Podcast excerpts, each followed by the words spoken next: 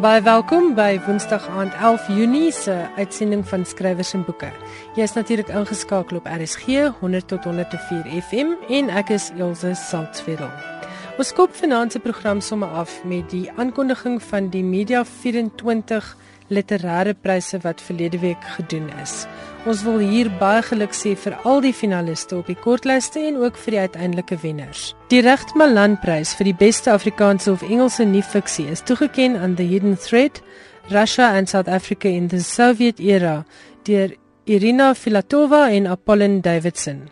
Die ander twee boeke op die kortprys was Die Oorlog kom huis toe: The War at Home deur Albert Grinling en Bill Nassen en Into the River of Life: A Biography of Ian Player.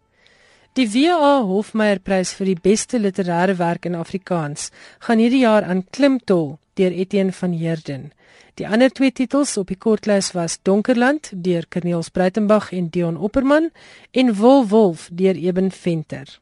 Die Herman Charles Bosman Prys vir die beste literêre werk in Engels is toegekend aan Shadows deur Novuya Rosa Chuma.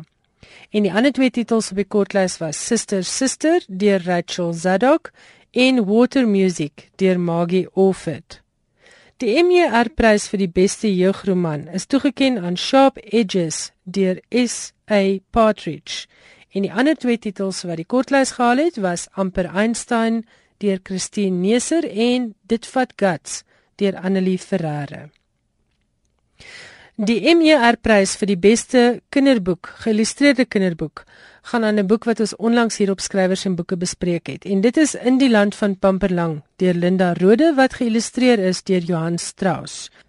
Die twee ander titels op die kortlys was Die Dingesfabriek, Janus en Kriek op die maan deur Elizabeth Wasserman, geïllustreer deur Astrid Castle en Sissie gaan skool toe en ander stories deur Wendy Hartman en geïllustreer deur Joan Rankin. Die Jan Rabie rapportprys vir die beste debuut of vroeë werk in Afrikaans is toegekend aan Dominique Botha vir Valsrivier. Hierdie boek is uitgegee deur Omotsi en die ander twee boeke op die kortlys wat terloops oop was vir ander uitgewersmaatskappye se boeke ook was Koljander deur Karim Maas en Slaghuister deur Rudy van Rensburg. Dan is daar ook vanjaar 'n nuwe prys toegekend. Die Elizabeth Eybers Prys vir digkuns in Engels of Afrikaans is vanjaar toegekend aan Marlene van die Kerk se bundel Kar. Die ander twee finaliste was Jokers en Survivors van Nathan Trantral en hierdie mens deur Wilma Stokkenstroom. Van ons kant hier by Skrywers en Boeke baie geluk aan die wenners en ewenigs baie geluk aan die finaliste. Ek glo dit is almal welverdiende aanwysings. My gas vanaand in die ateljee is Michiel Heinz, natuurlik 'n bekroonde vertaler en 'n skrywer wat beskryf word as een van die beste romansiers in in Engels in Suid-Afrika vandag. Michiel, baie welkom. Dankie. Bly om hier te wees.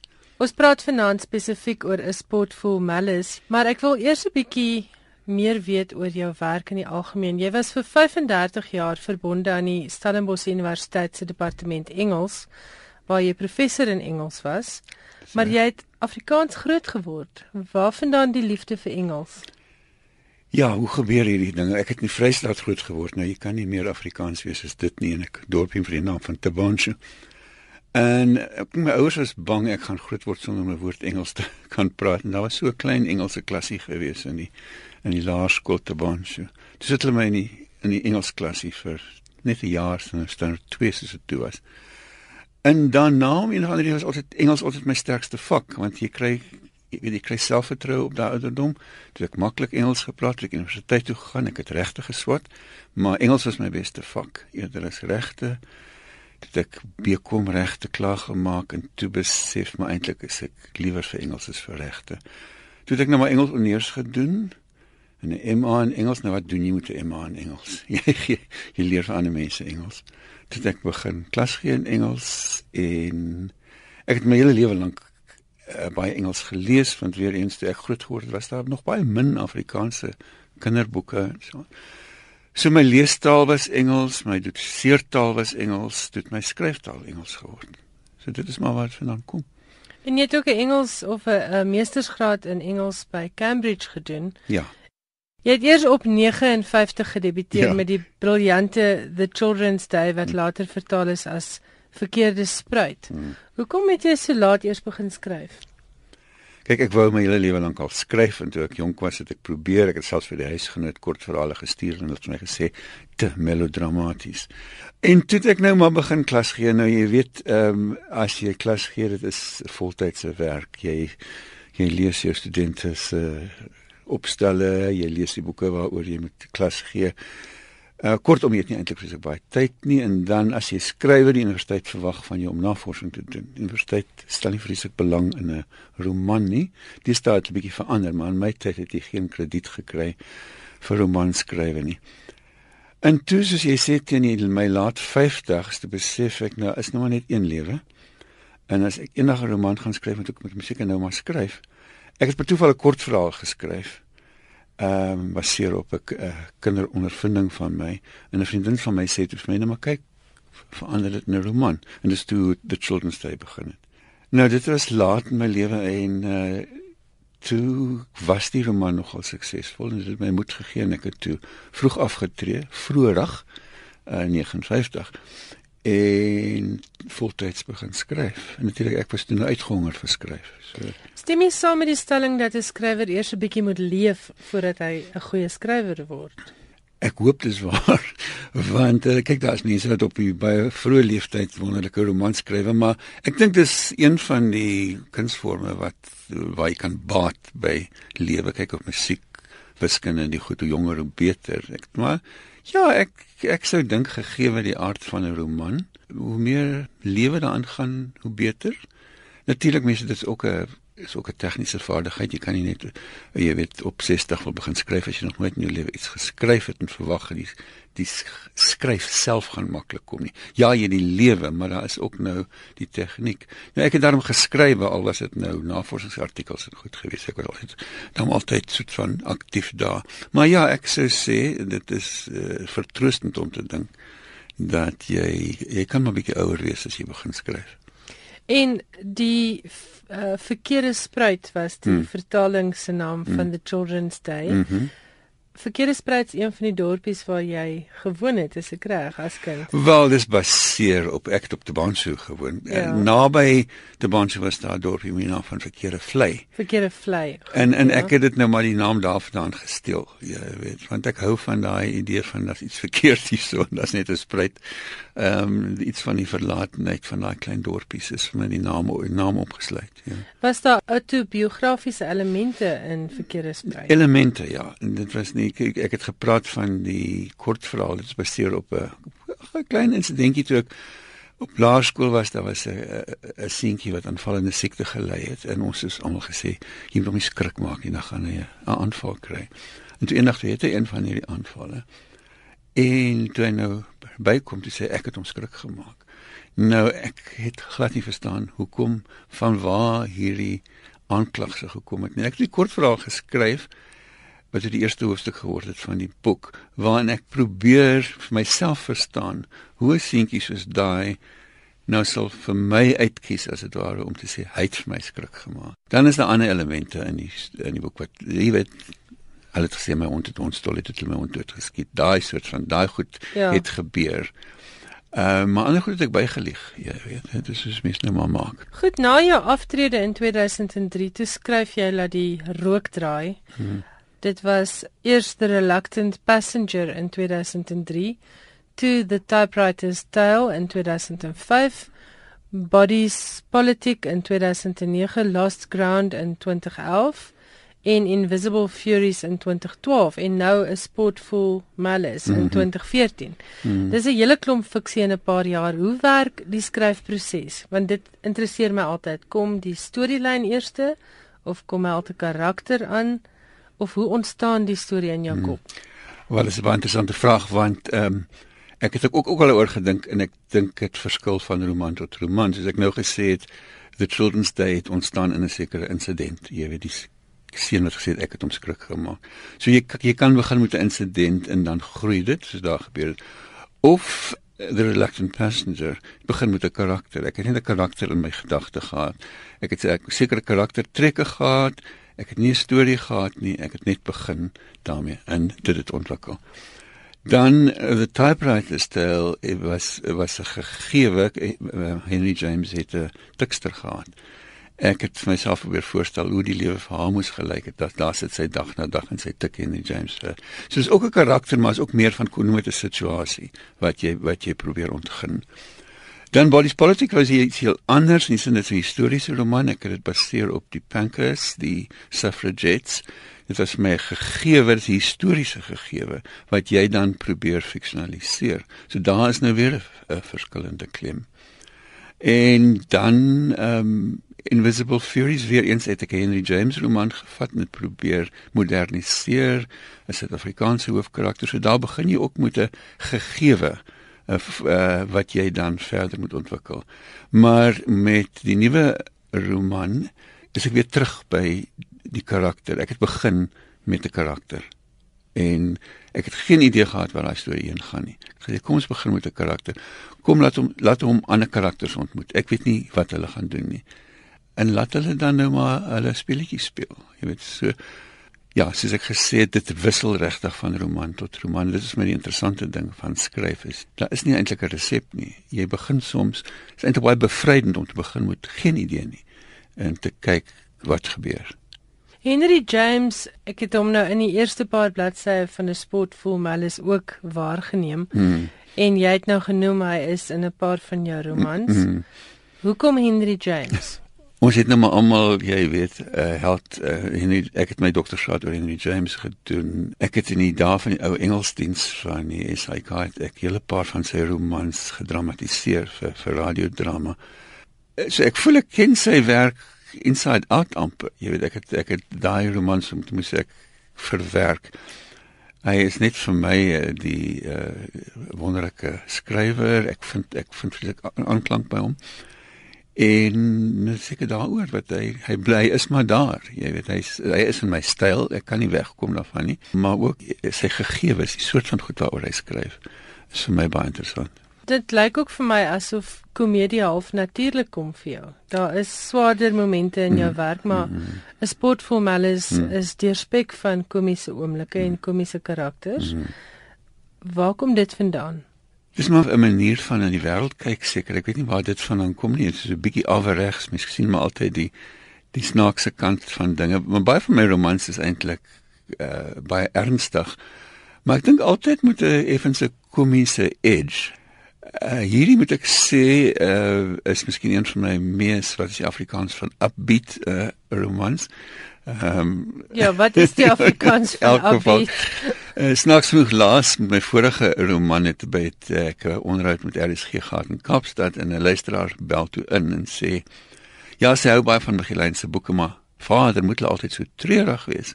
Nou as daai luisteraar vanaand luister, hierdie een is vir jou. ja, hierdie een is beslis nie treurig nie. Ja. En ek moet sê verkeerde spruit was 'n mm. ernstige tema, mm. maar daar was vreeslik baie ligte momente daarin. Dit was met 'n ja. ligte hand geskryf. Ja. Ag kyk, mens sien maar altyd die snaakse sy van dinge want uh, ja, die gegewe is eintlik baie treurig in baie opsigte in in verkeerde spruit die tyd ook waarin dit afspeel was nie 'n gemaklike tyd nie, die 60er jare. Nou ek ek gaan nie bewuslik sê kom ons kyk wat 'n snaaks hier so nie, maar die dinge doen hulle self voor as as ook komies. Jy weet ek dink komedie en tragedie is so na aan mekaar. Ek, ek het altyd my studente gesê, jy weet 'n man stap na na pisangskool, trap op pisangskool. Hy val, ha ha.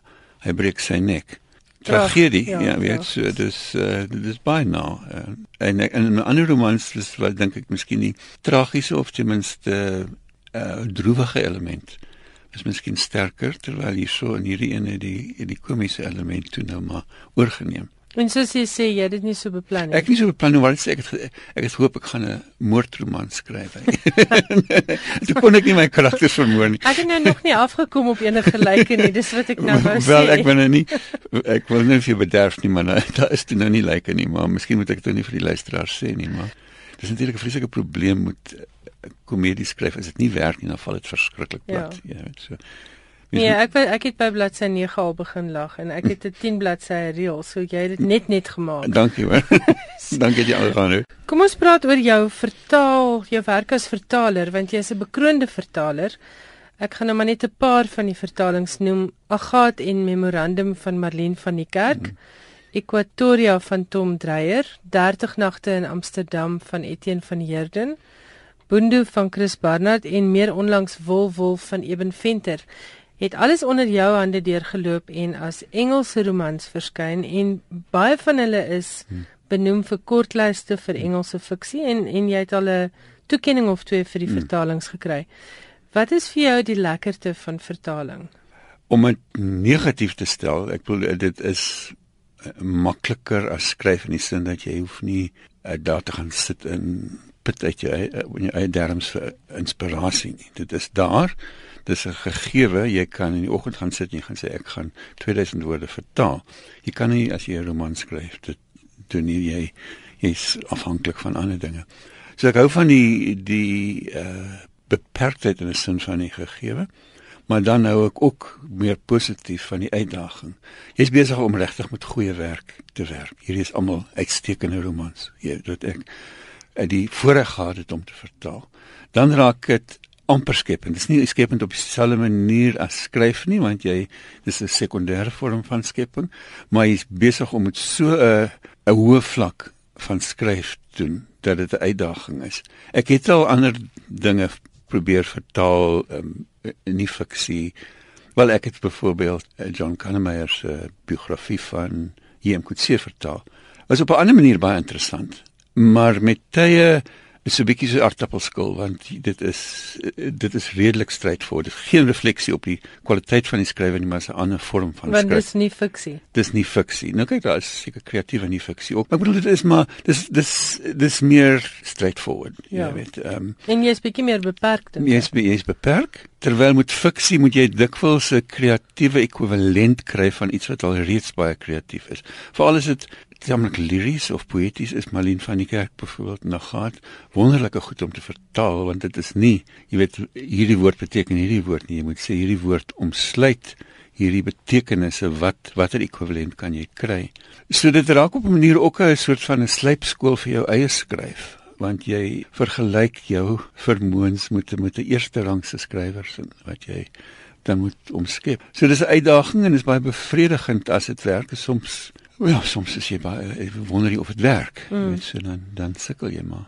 Ek het nou net in die Winterbag ook vertaal terloops haar die aanspraak van lewende wesens, maar dit gaan nou eers bietjie later verskyn. Maar die moeilike ding van fiksie vertaal dink ek is dat jy moet 'n ritme vind. Mm in Engels wat hmm. reeds in Afrikaans bestaan hmm. en ek dink nie dis baie maklik. Dis nie maklik nie en dikwels mense maak keuses neem. Jy weet jy sê okay, gaan ek gaan vir die ritme of gaan ek gaan vir 'n absolute bly by die by die woord soos hy daar staan, letterlike vertaling. Ek wil nie afwyk gewoonlik van van wat letterlik is nie. Maar dan het jy soms soos jy sê die kwessie van ritme, die gevoel van die ding. En daar's 'n verskil tussen Afrikaans en Engels en daarop sê so jy moet 'n ekwivalent kry ek probeer altyd om iets van die Afrik van die grein van Afrikaans te behou. Maar ek is al beskuldig daarvan dat my Engels eintlik net lees soos soos vrot Engels nie soos Afrikaans nie. Mense wil dit ook nie hê nie, jy weet. Mense nie dit mense moet dink dit is net 'n lomp vertaling uit die Afrikaans nie. En ek moet jou sê ek weet nog nie wat die antwoord is nie. Wat wat doen jy? Moet jy gaan vir absolute getrouheid of moet jy maar iets prys gee? vir die gevoel. Ek begin meer en meer na die tweede gaan. Natuurlik ideaal moet jy kan jy probeer om altyd te doen, maar ek ek weet nie of dit moontlik is nie. Kom ons praat oor 'n sportful malice. Mhm. Mm Wil jy vir die luisteraars net so klein bietjie van die storie vertel sonder om nou al die geheime weg te gee? Ja, dis uh, dis weer eens kyk my vorige roman Invisible Furies is 'n Suid-Afrikaner in Parys. Hierdie is nou 'n jong Suid-Afrikaner in Italië en hy is 'n uh, letterkundige en hy gaan Italië toe want hy is besig om 'n dissertasie te skryf oor wat hy noem Tuscan appropriations, die die manier waarop Engelse skrywers Italië gebruik in hulle werk. Henry James. Ek wou uh, sê Henry James. Uh, Ian Foster, D.H. Lawrence. Maar terselfdertyd het hy 'n bietjie van 'n losoog. En hy is nou nie net daar vir na letterkunde nie. Letterkunde. Hoe hy dink hy's net daar vir letterkunde, maar hy begin onmiddellik al 'n ander dinge oplet as hy daar is. En ander dinge begin hom oplet. En dan is daar allerlei intriges en, en kort voor lank weet hy nie waar hy is nie, want hy, hy bevind homself in die middel van 'n intrige wat hy nie geskep het nie en hy weet nie waar dit vandaan kom nie en hy weet nie wat dit beteken nie. So hy is net heeltemal uh, deur die war. En dis miskien waar die komiese inkom en ek koop ook 'n effens 'n spanningslyn van wat op aarde gaan hier aan. By gaan eers ehm um, uh, Florence toe en daar begin dinge al verkeerd loop. En dan is dit die klein dorpie waar hy huis gehuur het en daar gaan dinge nou regtig verkeerd. En jy gebruik die die ek verteller baie ja. suksesvol en dit is vir my nogal 'n kuns. Okay. En die boek speel af waar die storie word vertel deur eposse wat hy ja, aan sy partner by die huis skryf, ja. Hoekom die ek verteller? Jy weet ons die meeste van my vertellers is uh, ek vertellers. Ek het nog nie 'n enkel roman geskryf wat 'n alwetende verteller het nie, jy weet soos George Eliot of een van die Ek weet nie hoekom nie. Ek dink ek is dit is nog by my in wat ek by Henry James geërf het. Hy het altyd gepraat van 'n center of consciousness. Hy sien alles nie noodwendig in die eerste persoon nie, maar uit die oë van een karakter. Een en ek dink dis nou maar 'n ontwikkeling wat in letterkunde gekom het, die die idee dat die werklikheid is eintlik maar nie die werklikheid soos gesien deur 'n spesifieke persoon. Dit is 'n wegskram van die idee van 'n uh, goddelike oog wat alles sien. Ek vind dit net uh, meer eie aan myself om ook 'n verteller te skep wat nie alles weet nie en wat dikwels miskien nie so baie betroubaar is nie. Dan is dit vir die leser om ook 'n effense afstand te hou van daai verteller. Want die verteller vertel nou maar vir die leser wat hy dink. Ek hou van die subjektiewe uh perspektief want dit dit laat spasie vir die leser om ook te interpreteer. Ja, maar vertel die persoon vir my dit as it is of is dan of is dit sy weergawe? Is dit sy weergawe? Ja. Waar werk jy nou? Jy is, jy het genoem daar's nou Ingrid Winterbag se vertaling. Ek is nou net klaar met Ingrid Winterbag se vertaling so op tot, tot datum het ek het ek nog baie min ek oorweeg ek het al so 2000 woorde van 'n nuwe roman wat beteken dit is ek is 2 dae swanger jy weet dit is dit dit, dit enige iets kan gebeur Ehm um, maar eh, wat wat ek nou het ek, ek wil weer 'n Suid-Afrikaanse roman skryf want my laaste twee romans het, het was iets Suid-Afrikaanse karakters gehad maar speel in Europa af. Ek wil nou weer iets op eie bodem hê soos Lost Ground was die laaste roman wat hier afgespeel het. En miskien 'n uh, vroulike hooffiguur uh, is ook 'n uitdaging. Ek ek weet letterlik niks meer daarvan as dit nie. Dit is nou weer vir my een van daai uitdagings.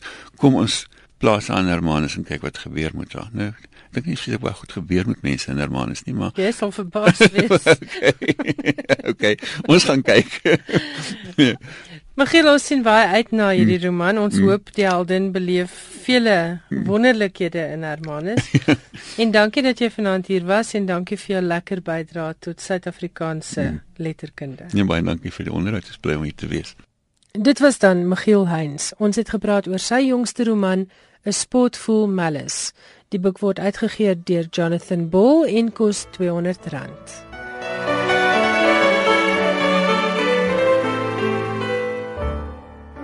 En dan is daar nog lekker nuus van 'n letterkundeprys wat maandag, met ander woorde eergister bekend gemaak is.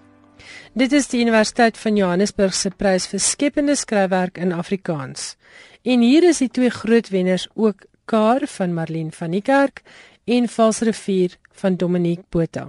Valsrivier is natuurlik bekroon in die debuutafdeling en daarmee wen Dominique R30000.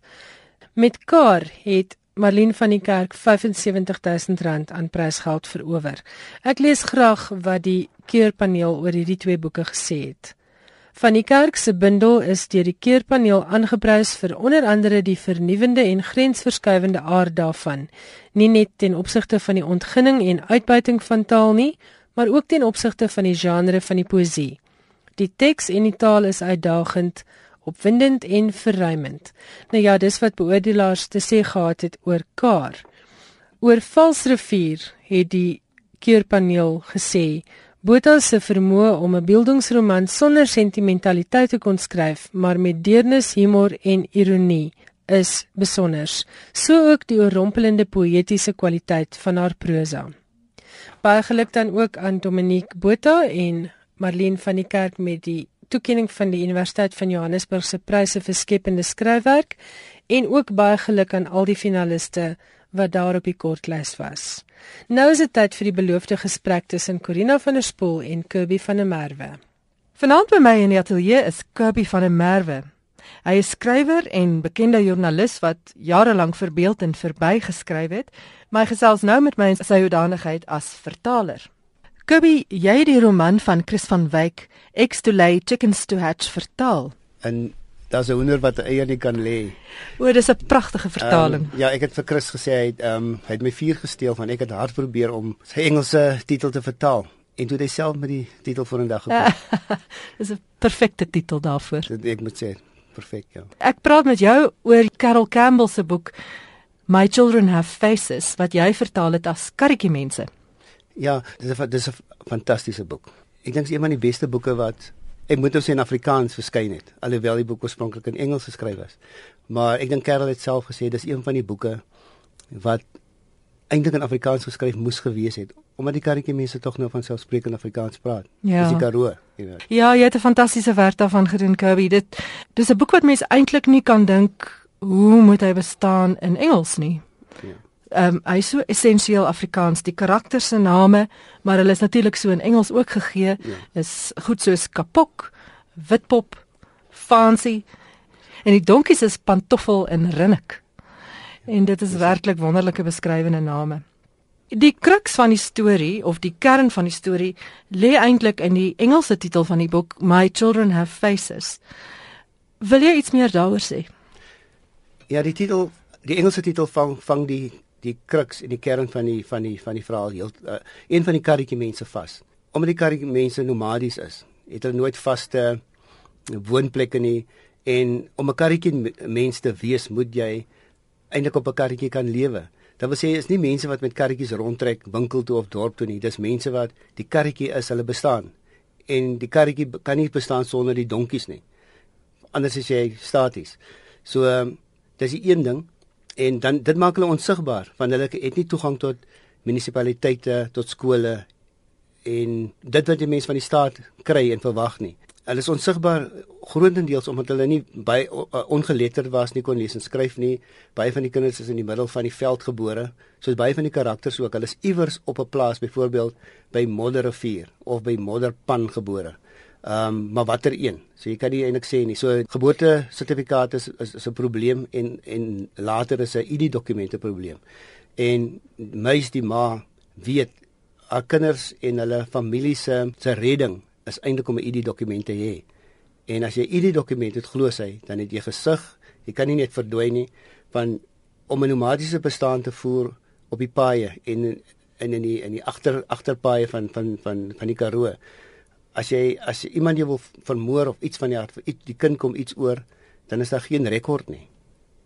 So nee. iemand kan jou en dit is ook 'n kern van die boek waar hulle gejag word. As iemand jou iets aandoen, die kinders wil vermoor of iets van die hart, jy glo die hoofkarakter of die ma, dan kan hulle dit doen van die kinders bestaan eintlik nie. Wat veral opvallend is van hierdie boek is die is die uitmergelende armoede wat hierdie mense ervaar en en die honger wat hulle het en dat hulle eintlik nie meer so kan voortgaan nie maar hulle hulle kan nie regeringstoelaag kry nie juis omdat hulle nie ID dokumente het nie. So dit lyk vir my in hierdie boek asof hierdie manier van lewe eintlik ingedrang is en nie meer kan gebeur nie. Dis natuurlik 'n baie goeie ding as die karretjie mense net in 'n dorp of in 'n woonbuurt kan gaan bly wat nou eintlik nou gebeur het. Want die langkampe waar hulle in was, dis dis die stroke langs die grondpaaie in die middel van die Karoo bestaan amper nie meer nie. Die die hele wêreld het verander. Die plase is nou groot kommersiële plase. So het nie meer die enkel boere wat sal gebruik maak van die karretjie mense om skaap te skeer nie. Van hulle was hoofsaaklik mense wat draad gespan het en skape geskeer het, seisonale werkers.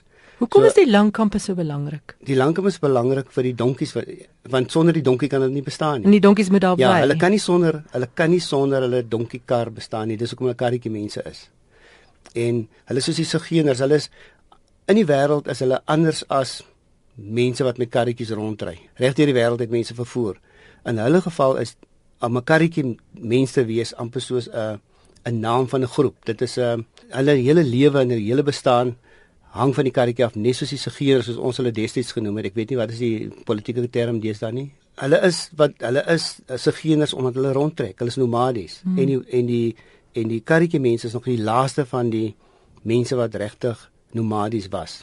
En daai lewe, daai lewe lewenstyle tot 'n einde gekom. Ek dink dit wat hierdie boek so besonder maak van Carol Campbell is dat sy iewers in die stem van hierdie karretjie mense inkom sonder om patroniserend te wees, sonder om neerhalend te klink en dit kom werklik baie eg oor.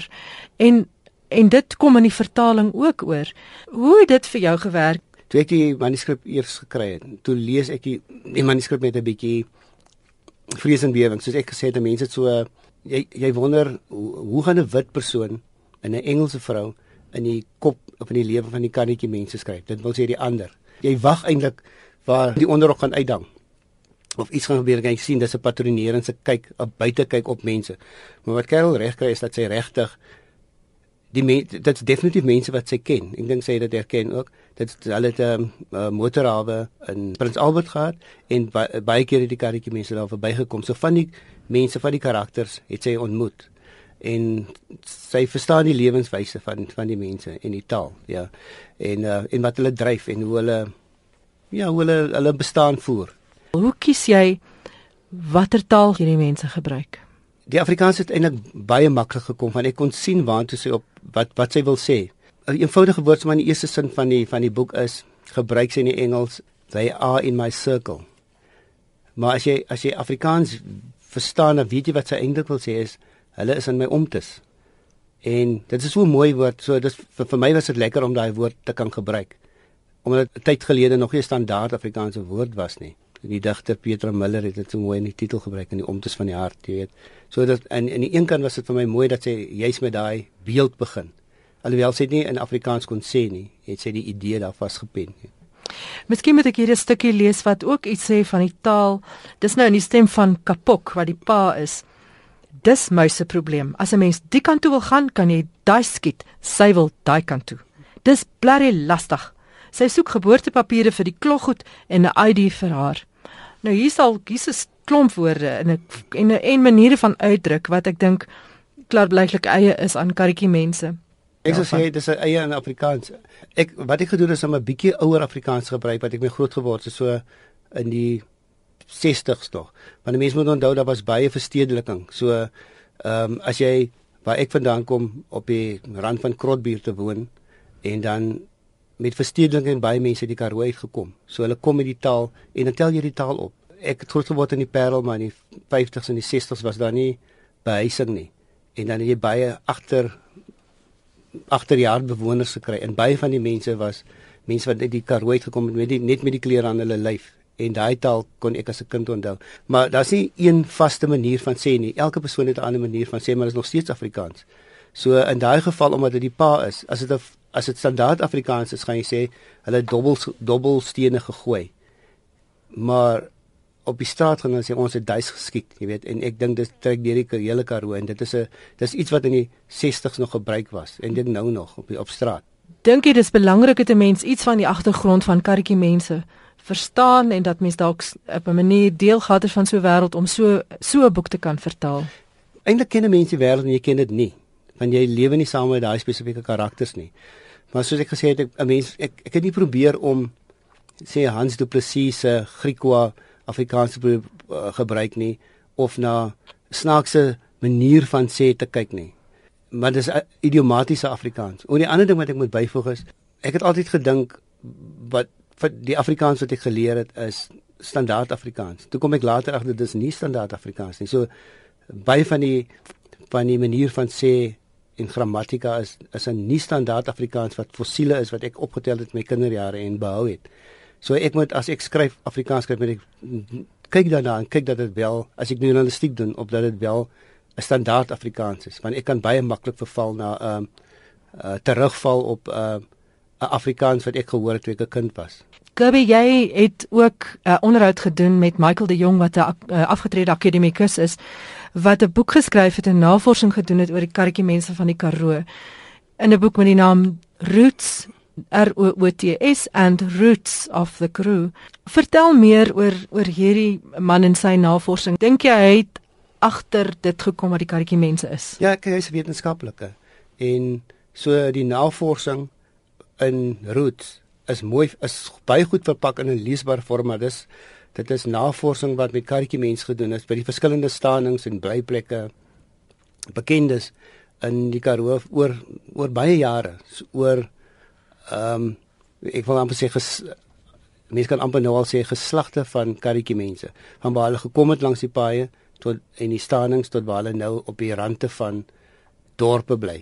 Die karretjie staan nou daar sonder die donkie en uh maar hulle bly nog half bymekaar maar jy uh, baie dorpe van die Karoo sê jy sien aan die rande van die van die van die van die van die van die van die dorp is daar sulke kom ons sê plakkerskampe amper. En en interessant is dat Carol se karakters en die die wêreld wat hy skryf is is is baie na aan wat wat ehm um, wat die wetenskaplikes gedoen het. Dit is regtig uh, baie na aan die aan die aan die aan die werklikheid.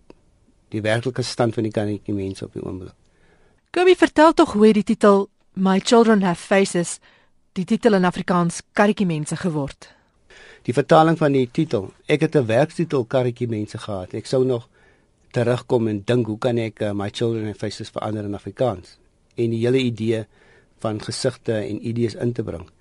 En die ek het dit as 'n werktitel karretjie mense gestuur na die uitgewers toe en toe ek weer sien toe is hy vertaal. Maar ek dink dit was 'n uh, ek hou van die titel karretjie mense dit sê presies wat dit is jy hoef nie te wonder oor waaroor dit gaan nie hierdie boek gaan ook oor mense wat gejag word. Daar's 'n dis 'n die boek het 'n sterk spanningslyn en mense wonder wat gaan nou gebeur.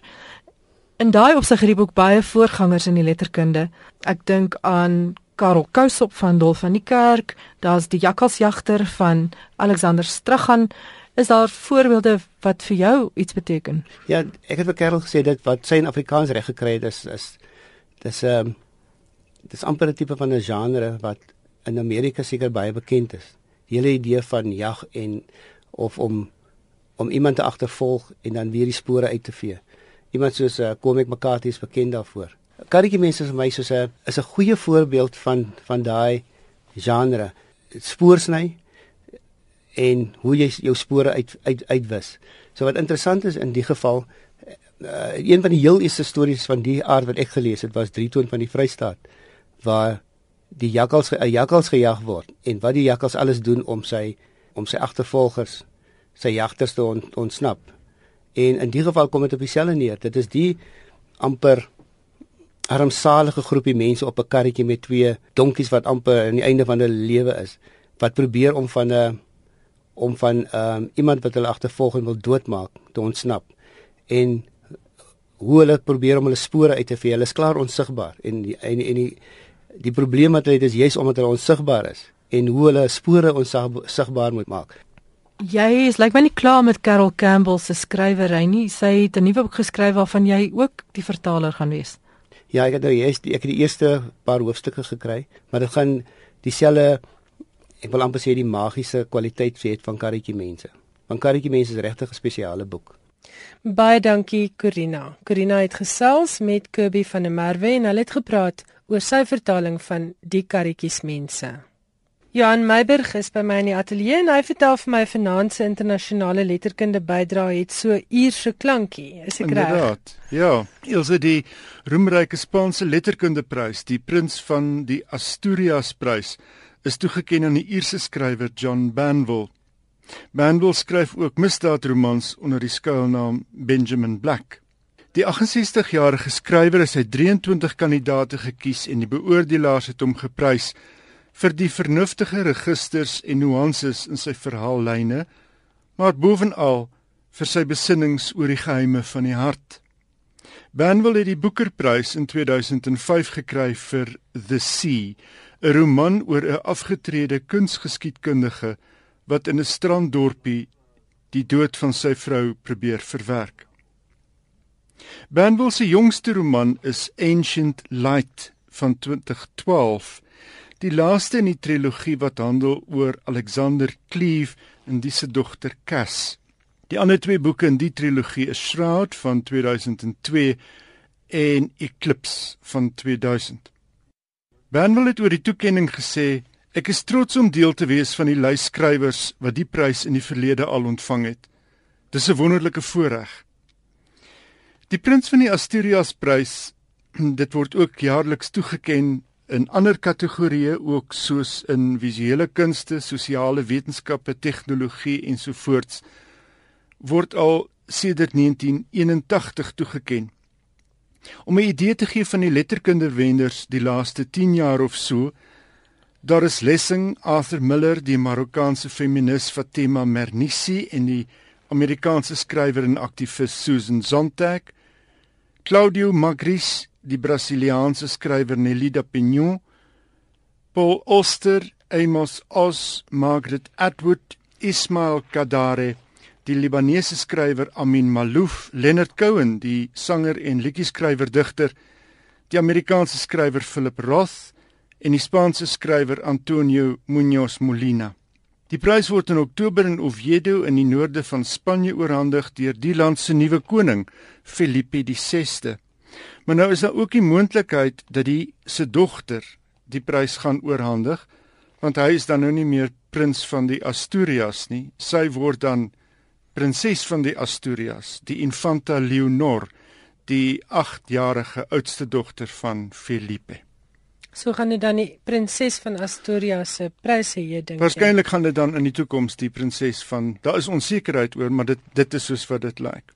Dis interessant dat hierdie Felipe, ehm um, nou daar is 'n klomp mense wat wat uh, betoog teen die monargie op die oomblik in Spanje.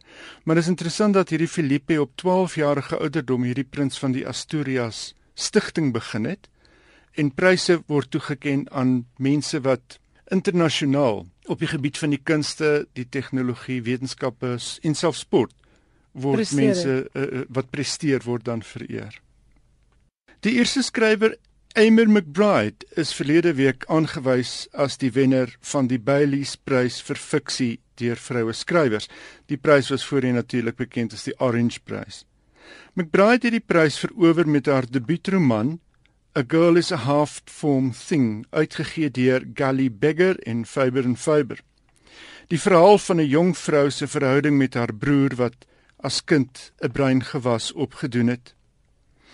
McBride se siege kom as 'n verrassing aangesien alle aanduidings was dat die Amerikaanse Donna Tartt met haar The Goldfinch, wat reeds die Pulitzerprys vir fiksie verower het, ook die Bailey sou inpalm. Die eerste paar bladsye is gewis moeilik, skryf die resensent Gabby Wood oor McBride se boek in The Telegraph. Dit beskryf die gebeure wat die verteller in die baarmoeder voel en hoor, maar na mate jy verder lees, word dit duideliker. Helen Fraser, voorsitter van die beoordelaarspaneel, het McBride beskryf as 'n buitengewone nuwe stem en gesê die roman het beïndruk vanweë sy vindingrykheid en energie. McBride het die roman 10 jaar terug in 6 maande geskryf, maar 9 jaar lank na 'n uitgewer gesoek om die boek uit te gee. Talle uitgewers het teruggeduins omdat hulle gemeen het die boek is te eksperimenteel. In 2011 het sy in Norwich op die jong uitgewershuis Gally Beggar Press afgekom en dit besluit om die boek wel uit te gee. Die boek het die Goldsmiths Prys vir oorspronklike fiksie ingepalm, was op die kortlys vir die Folio Prys. Dis aangewys as die Kerry Group Irish Novel of the Year en is benoem vir die Desmond Elliot Prys vir debuutromans. McBride is in Liverpool gebore, maar is op twee saam met haar gesin na Ierland. Sy het weliswaar later drama in Londen studeer. Die skrywers wat meegeding het om die prys van sowat 540 000 rand is Chimamanda Ngozi Adichie vir Americana uitgegee deur Fourth Estate, Hannah Kent vir Burial Rights uitgegee deur Picador, Jhumpa Lahiri vir The Lowland uitgegee deur Bloomsbury, Audrey McGee vir The Undertaking uitgegee deur Atlantic. En dan Donna Tartt vir The Goldfinch uitgegee deur Little Brown. Ja, en dan het jy 'n bydra oor e-boeke. Die verkope van e-boeke in Brittanje gaan teen 2018 die van gedrukte boeke verbysteek. Volgens 'n verslag van PricewaterhouseCoopers gaan die e-boekmark, dis nou handboeke en professionele handleidings uitgesluit, groei van 380 miljoen tot 1 miljard pond. Volgens die verslag gaan die verkope van gedrukte boeke terselfdertyd met 'n derde afneem. Volgens PricewaterhouseCoopers sal die helfte van die Britte teen 2018 'n iPad, 'n Kobo, 'n Kindle of soortgelyke apparaat besit. Die verslag weerspreek die mening van Tim Waterston, stigter van die Britse boekwinkels Waterstones. Waterston het vroeër vanjaar op die Oxford Letterkundefees voorspel die e-boek revolusie sal binnekort verby wees. Hy het gesê aanduidings veral in die FSA is dat belangstelling in e-boeke aan die taan is. Hy verwag die patroon sal in Brittanje volg. Maar nou sê Phil Stokes, vermaak en media vernoot van PricewaterhouseCoopers, die groei wat sy firma voorsien, spruit uit verbruikers se voorkeur vir nuwe tegnologie, veral vir mobiele tegnologie. Nou ja, dit is 'n verwagting. Ek wil graag sien of daar aan die verwagtinge voldoen word. Ek wou verlede week The Goldfinch op e-boeke koop by Amazon en die boek was nie beskikbaar as e-boek nie. Sure. Nou vra ek jou as die Pulitzerprys wenner nie beskikbaar is in e-boek formaat nie, waar laat dit my? Dan gaan jy uit en jy gaan koop. Jy gaan koop die boek, die boek. want jy wil die boek lees. So ek is nie ek is nie oortuig of ek saam met PricewaterhouseCoopers stem nie. En daar is hordes lesers wat ek teekom wat sê hulle verkies nog steeds die boek. Hulle verkies die om nou die Engelse term te gebruik, die look and feel en die reuk van 'n regte boek. 'n E-boek ruik nou niks. Absoluut, absoluut. Johan, dankie vir jou moeite. Dit was natuurlik Johan Meiburg. Hy is ook kunsredakteur van die Beeld. Baie dankie vir jou lekker bydraes elke week.